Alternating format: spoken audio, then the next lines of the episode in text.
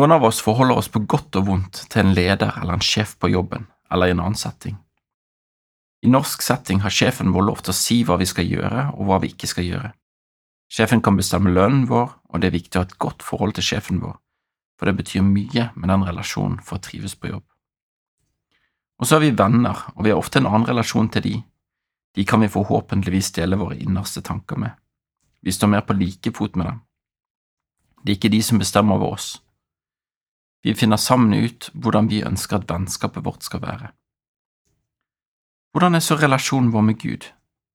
Det er mange som tenker på Gud som en sjef, en vi skal tilfredsstille, for vi skal jo være gode og snille tjenere, så bare vi gjør det rette, så kommer Gud til å være fornøyd med oss. Og da er det jo sånn at hvis vi ikke gjør det som er rett, så kan det jo hende at Gud blir sur, akkurat som sjefen. Er Gud fornøyd med oss nå? Har vi gjort en god nok jobb? Har vi holdt alle budene?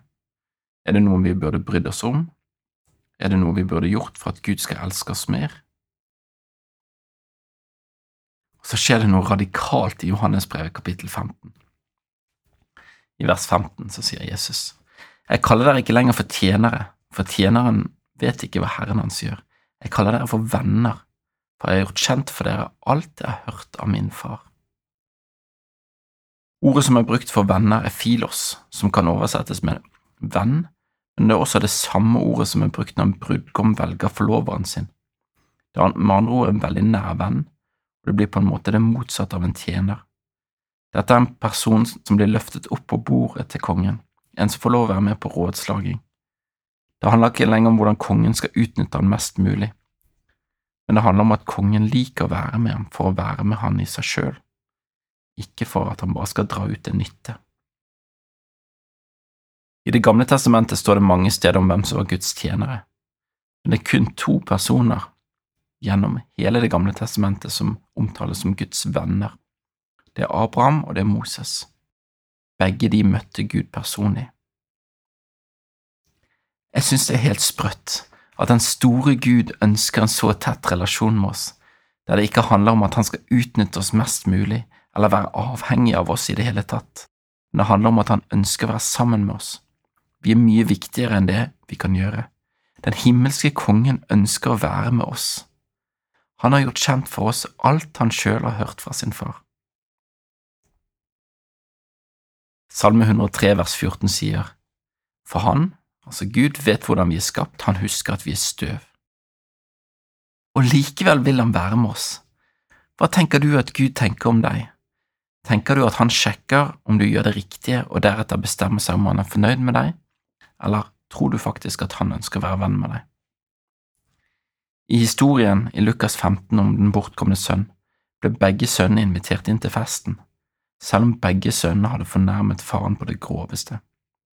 Vi tenker ofte hvor fælt det var med den yngste sønnen som ønsket faren død, ved at han solgte alt han hadde arvet som faren skulle leve med, og tok pengene og sløste dem.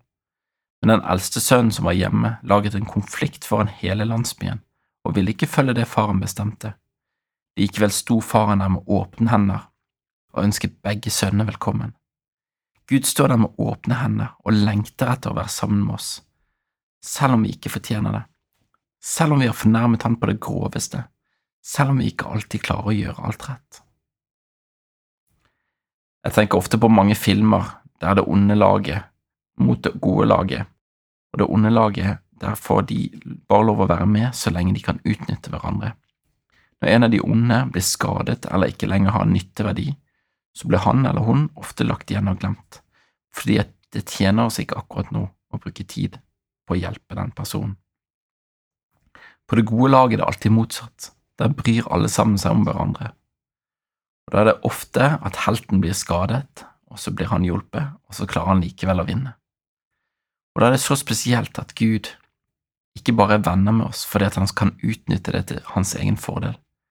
Han har lyst til å være venner med oss fordi at det er verdet i seg sjøl. Hvordan ser det vennskapet ut i ditt liv? Gud er en Gud som ikke bare hører oss når vi ber, for det gjør han, men han ønsker også å snakke til oss. Hva tror du Gud sier til deg i dag?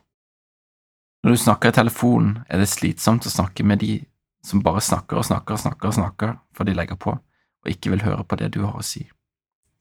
Da trenger vi noen ganger å stoppe opp og lytte, sånn at vi får med oss det Gud også vil si.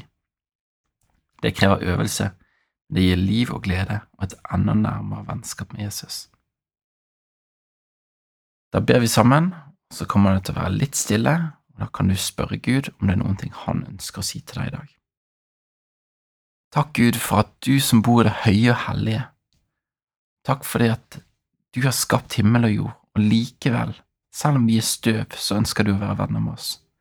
Du ønsker å ha en relasjon til oss, du ønsker å ha et vennskap med oss, uansett hvordan dagen vår ser ut, uansett om vi føler oss vellykket eller mindre vellykket, uansett på om det er noe vi angrer på eller noe vi er takknemlige for, så ønsker du å være nær oss. Bare ber Jesus om at du kommer og taler til oss i dag, kommer og gir oss akkurat det vi trenger.